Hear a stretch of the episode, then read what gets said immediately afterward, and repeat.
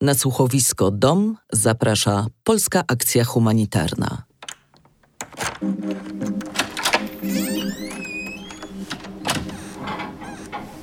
Czym jest dom? Miejscem, w którym stawia się pierwsze kroki? A może to przestrzeń, gdzie otaczają cię bliscy, których kochasz? Jak często wracasz do niego myślami? A jeśli dom pozostał w miejscu, z którego trzeba było uciekać? Czy da się zbudować nowy? Jak się za to zabrać? Posłuchaj głosów ludzi, którzy musieli opuścić swoje miejsca na ziemi i zbudować życie na nowo. Czym jest dla nich dom?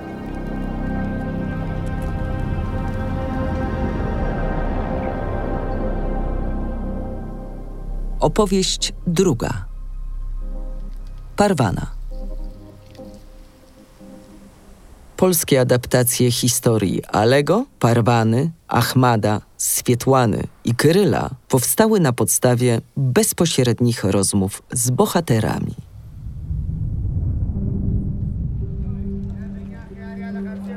Parwana Amiri wspólnie z rodziną przedostała się do Europy z Afganistanu i znalazła się w obozie Moria w Grecji, który przez wiele lat był największym obozem dla uchodźców w Europie.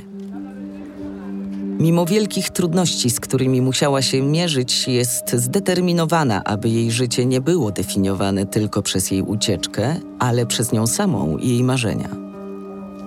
Została nauczycielką w obozowej szkole, a także inicjatorką magazynu, w którym opublikowane zostały listy od mieszkańców Mori. Posłuchajmy teraz jej historii. Nazywam się Parwana Amiri. Kiedy zasypiam, marzę o tym, żeby być wolną i aby mój głos był słyszany. Chciałabym, żeby każdy miał prawo głosu szczególnie członkowie mniejszości, które zazwyczaj są uciszane. Jako uchodźcy nie mamy prawa pisać i mówić o sobie. I naszą taką największą bolączką było to, że generalnie w Europie, jeśli ktoś składa prośbę o azyl, ta prośba powinna być procedowana, a my nawet tego prawa nie mieliśmy. Chcę mieć wolność wypowiedzi. Chcę mieć prawo, żeby żyć i podróżować jako osoba wolna.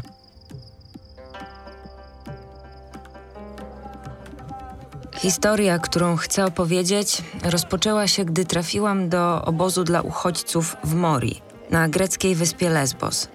Chciałabym podkreślić, że wyjazd tam to nie był nasz wybór. Zanim tam trafiliśmy, nie mieliśmy żadnych informacji na temat tego obozu. Nie mieliśmy też nikogo na miejscu, kto mógł nam ich udzielić. Wiem, że świat wiele słyszał o Mori, ale moim zdaniem te informacje, które przedostawały się do mediów, były bardzo pobieżne i niekompletne. A to dlatego, że powstawały na bazie relacji osób, które wchodziły do obozu raptem na kilka godzin. Wykonywały swoją pracę i wychodziły. Później o obozie opowiadały na podstawie swojej krótkiej wizyty. Natomiast my musieliśmy znosić te trudne warunki cały czas. To my w tych obozach cierpieliśmy.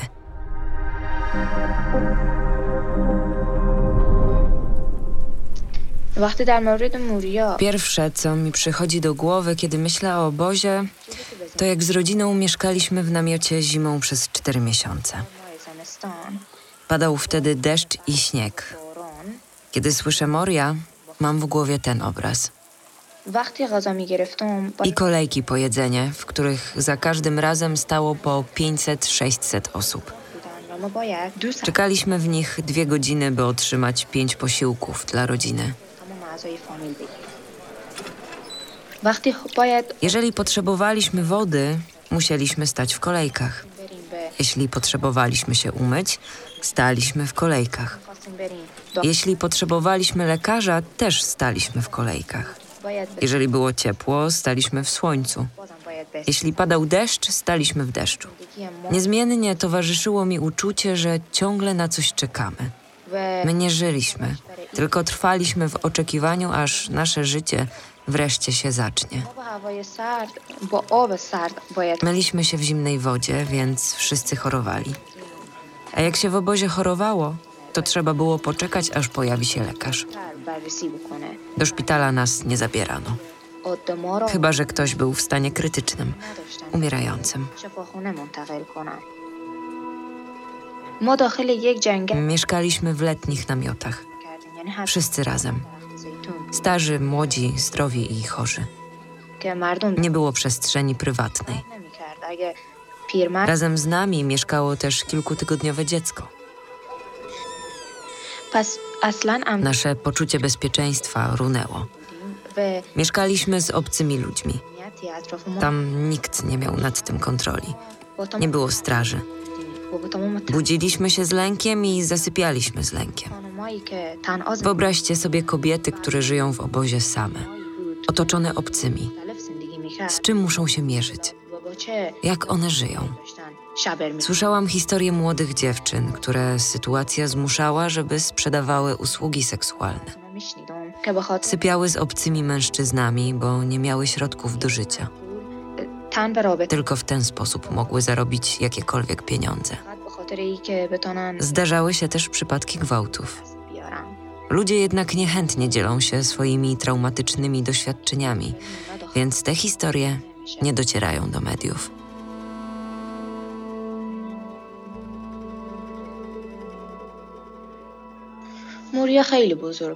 Zgodnie z prawem, w Mori nie powinno mieszkać naraz więcej niż 3000 osób. W latach 2019-2020, kiedy tam przebywaliśmy, razem z nami mieszkało około 13 tysięcy uchodźców. W 2021 roku mieszkało tam ich już od 21 do 25 tysięcy.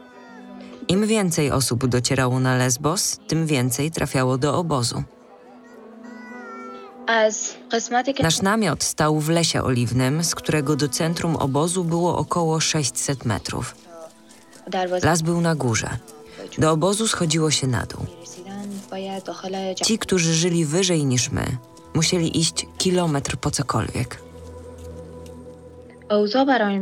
Po dotarciu do obozu razem z rodziną nie mogłam uwierzyć w to, jak on działa. Ta rzeczywistość była nie do przyjęcia. Była niezgodna z naszą wiedzą na temat prawa unijnego i tego, jak powinno wyglądać ubieganie się o azyl. Uciekaliśmy ze swoich krajów przed prześladowaniami, a trafiliśmy do miejsca, które nie dawało żadnych szans na normalne życie. To było bardzo bolesne doświadczenie. Pamiętam to przerażenie, pomieszane z niedowierzaniem, że będziemy musieli mieszkać w namiocie. Ta myśl, jak długo będziemy zmuszeni tu zostać, nie dawała nam spokoju. Tydzień? Miesiąc? Rok? A może dłużej? Kiedy będziemy wreszcie wolni?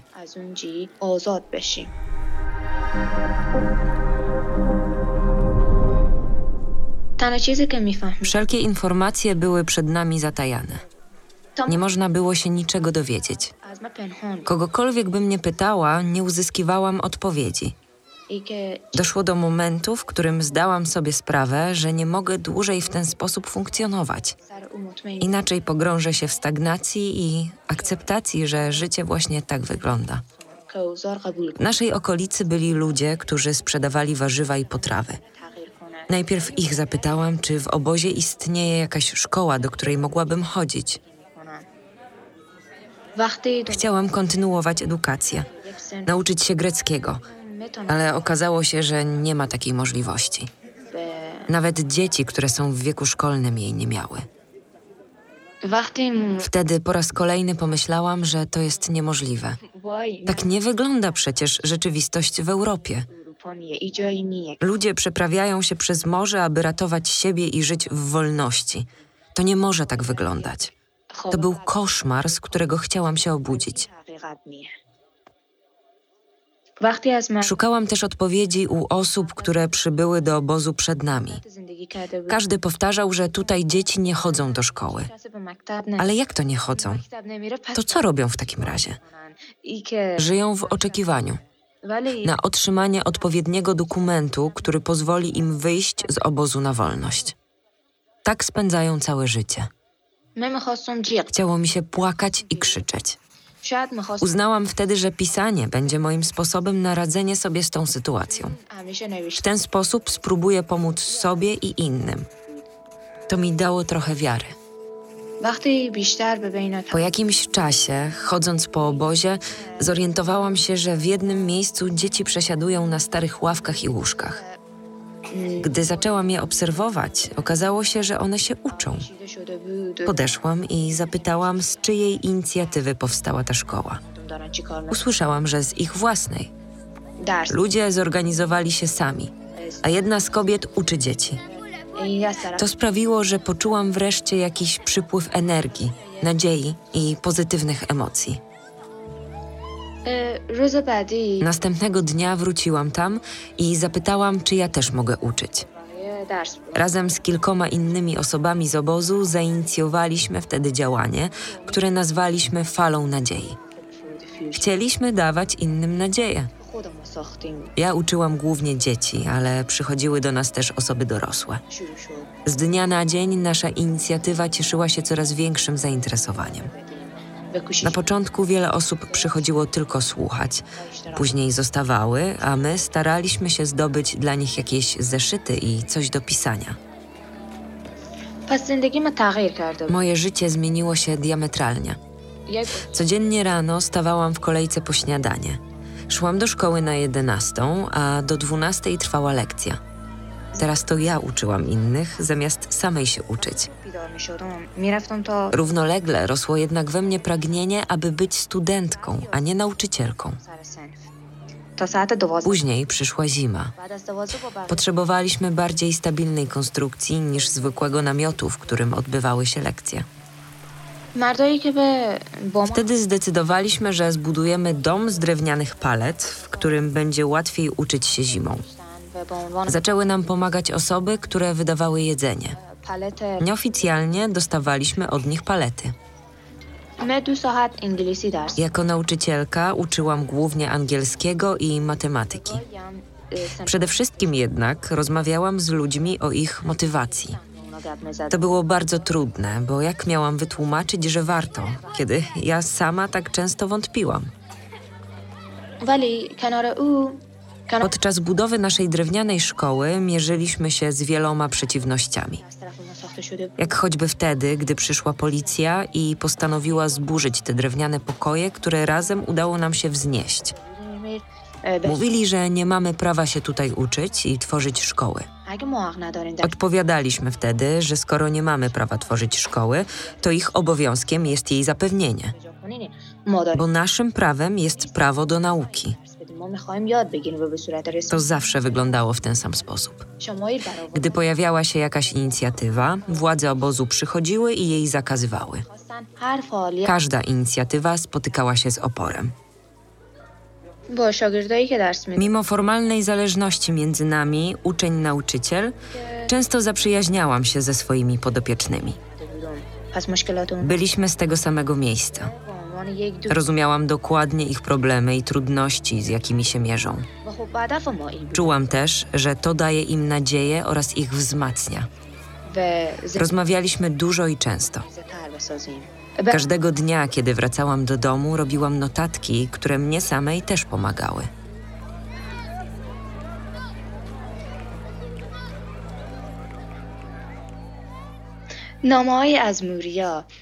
Zaczęłam pisać listy. Wtedy w ogóle nie myślałam o tym, że mogą stać się kiedyś książką. Nie miałam też tytułu. Pisałam z głębokiej wewnętrznej potrzeby. To były uczucia, które mieszkały we mnie, a ja nie chciałam ich tłumić. Robiłam to przede wszystkim dla siebie. Miałam poczucie, że świat powinien o tej sytuacji usłyszeć. Kiedyś przypadkiem przyjechali do obozu ludzie z Welcome to Europe i dowiedzieli się, że piszę. Kiedy przeczytali fragment tego, co stworzyłam, powiedzieli: Pisz dalej, chcemy więcej. Wtedy wybrałam formę listów. Od samego początku wiedziałam, że nie chcę, żeby to była tylko moja historia. To miał być głos wszystkich z obozu, którzy chcieli coś opowiedzieć. Zależało mi na tym, żeby wszyscy zostali wysłuchani. Wrzucałam te teksty do sieci, a one leciały w świat. Po jakimś czasie okazało się, że cieszą się dużą popularnością. Zawsze mówiono nam, że Europa jest kolebką wolności, że ludzie tutaj cieszą się prawami i szanują się nawzajem. Jednym z takich praw jest wolność wypowiedzi. Tymczasem, kiedy tu przyjechałam, okazało się, że jest zupełnie inaczej. Pisanie bardzo mnie wzmocniło. Tworzyłam opowieść, niczego nie ukrywając. Opisywałam rzeczywistość taką, jaka była. Nie koloryzowałam jej. Listów, które publikowałam na początku, nie podpisywałam moim imieniem i nazwiskiem, tylko podpisem uchodźczyni. Bardzo długo tak robiłam. Bałam się. Gdyby władze obozu zorientowały się, że to ja je piszę, procedura uchodźcza, moja i mojej rodziny, mogła być zagrożona.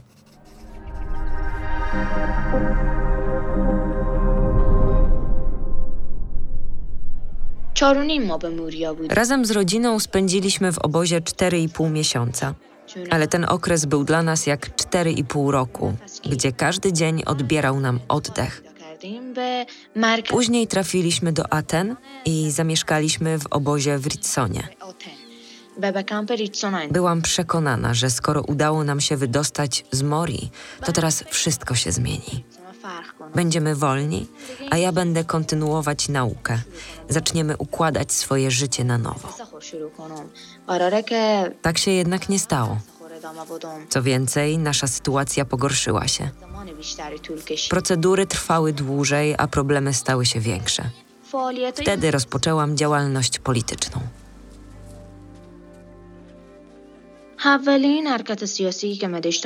Zaczęło się od tego, że władze obozu chciały wydalić 72 osoby ze względu na pandemię koronawirusa. Obóz ten leżał około 70 kilometrów od miasta. Gdzie te osoby miałyby się podziać? One nie miały gdzie iść. Wtedy zrozumiałam, że czegokolwiek byśmy nie robili, zawsze będziemy kontrolowani. Każdy najmniejszy ruch był śledzony. Bardzo się wtedy bałam. Mimo lęku chciałam jednak walczyć o sprawiedliwość, żeby do takich sytuacji nie dochodziło. Postanowiłam zorganizować protest i zaangażować w to wszystkich, których znałam. W obozie wszyscy mieszkaliśmy razem. Afgańczycy, Syryjczycy, Kurdowie, Irakijczycy i Somalijczycy. Nikt z nas nie miał doświadczeń z organizacji lub udziału w protestach. Rozmawiałam z każdą możliwą osobą i zachęcałam ją do udziału. Chciałam też, żebyśmy przygotowali plakaty, dzięki którym nasze postulaty będą widoczne w mediach. Zaprosiliśmy dziennikarzy i dziennikarki, którzy mieli pokazać nasz protest na całym świecie. Zdarzało się wcześniej, że pisały o nas lokalne media ale one często nie opierały się na faktach, nie opisywały naszej rzeczywistości. Pisały tylko to, co ludzie chcieli czytać, a nam zależało na tym, żeby pokazać stan faktyczny i aby świat o tym usłyszał.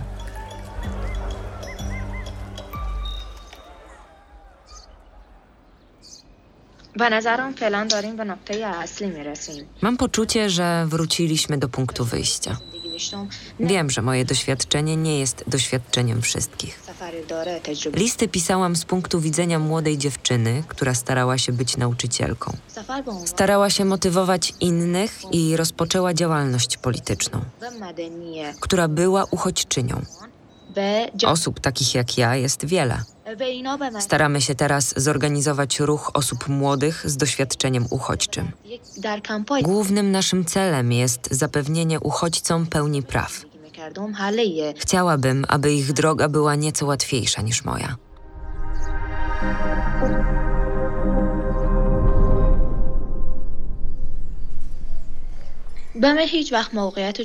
Moim zdaniem samo położenie na mapie nie daje poczucia bezpieczeństwa. Bezpiecznie czuję się dopiero w miejscu, w którym jestem w stanie zobaczyć swoją przyszłość i które daje mi nadzieję. Teraz razem z rodziną mieszkamy w okolicy Kassel w Niemczech. W domu, w którym mieszkają też inne rodziny z doświadczeniem uchodźstwa. Mamy mało przestrzeni. Ale w tym momencie motywuje mnie fakt, że mam szansę kontynuować naukę. W przyszłym roku rozpoczynam dwuletnie studia. Wiem, że droga ludzi z doświadczeniem uchodźczym jest trudniejsza niż moja i dłuższa. Ale właśnie dlatego musimy być aktywni, stworzyć większy ruch społeczny, który da nam wspólnotę. Istnieje dyrektywa, która zakłada, że uchodźcy i uchodźczynie mają być zawracani do krajów, do których pierwotnie trafili. To przecież tylko wydłuża ich drogę i wzmaga cierpienie. Takie decyzje nie mogą być podejmowane. To nie zawsze chodzi o czyny na wielką skalę. Nawet drobna działalność edukacyjna może przynieść ogromne zmiany. W tym momencie przygotowujemy inicjatywę, której celem jest organizacja wystawy fotografii i stworzenie ruchu młodych osób z doświadczeniem uchodźczym. Na to jest potrzebny czas.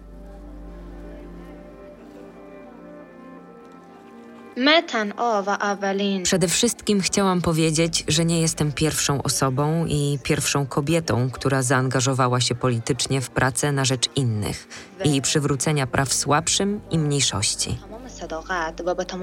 Są osoby, które poświęciły na to całe swoje życie. Jestem im wdzięczna za ich pracę, poświęcenie i to, że pokazali drogę innym.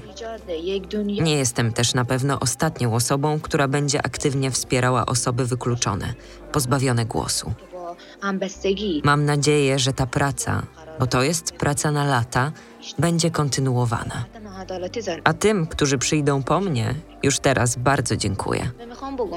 W pojedynkę mniej można zdziałać, ale dzięki solidarności stajemy się silniejsi i możemy więcej. Walka o wolność nigdy się nie kończy. Jest trudna i często trwa latami. Co więcej, wolność może mieć dla każdego inne znaczenie, ale jej podstawą jest posiadanie wyboru i możliwości życia i rozwoju w pełni, w zgodzie ze sobą. Tym wszystkim, którzy walczą o wolność, chciałabym przekazać, że być może będą momenty, gdy będziecie naprawdę zmęczeni. Ale nie rezygnujcie. Nie poddawajcie się. Jesteście potrzebni. Kroczcie jasno wytyczoną ścieżką. Bądźcie niezłomni, aby następne pokolenia nie doświadczyły nigdy więcej tego, co my.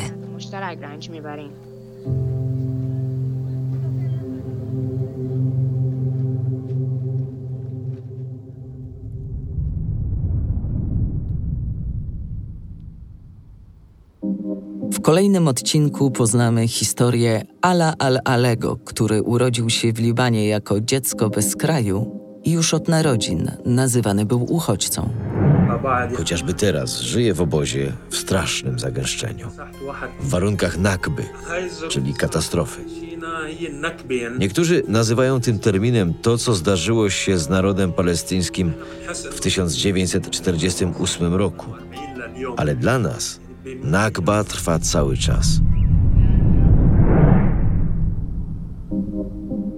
Słuchowisko jest elementem projektu DOM, przygotowanego przez zespół Polskiej Akcji Humanitarnej oraz fotografkę Agatę Grzybowską, która spotkała się z osobami mieszkającymi w krajach dotkniętych kryzysami humanitarnymi. Wysłuchała ich opowieści, została zaproszona do domów, nagrała filmy i wykonała zdjęcia. Po powrocie do Polski razem z producentką i dziennikarką Magdaleną Hodownik opracowały wszystkie przywiezione materiały. Efekt tej pracy możesz zobaczyć na pach.org.pl ukośnik dom. Słuchowisko Dom powstało dzięki Polskiej Akcji Humanitarnej. Udział wzięli Parwana Amiri, której historię po polsku opowiedziała Agata Turkot, oraz Agnieszka Obszańska, narratorka i dziennikarka, która wysłuchała opowieści bohaterki. Scenariusz i produkcja New Homers. Dźwięk i opracowanie muzyczne Maciej Zych. Producent wykonawczy Make It Agency.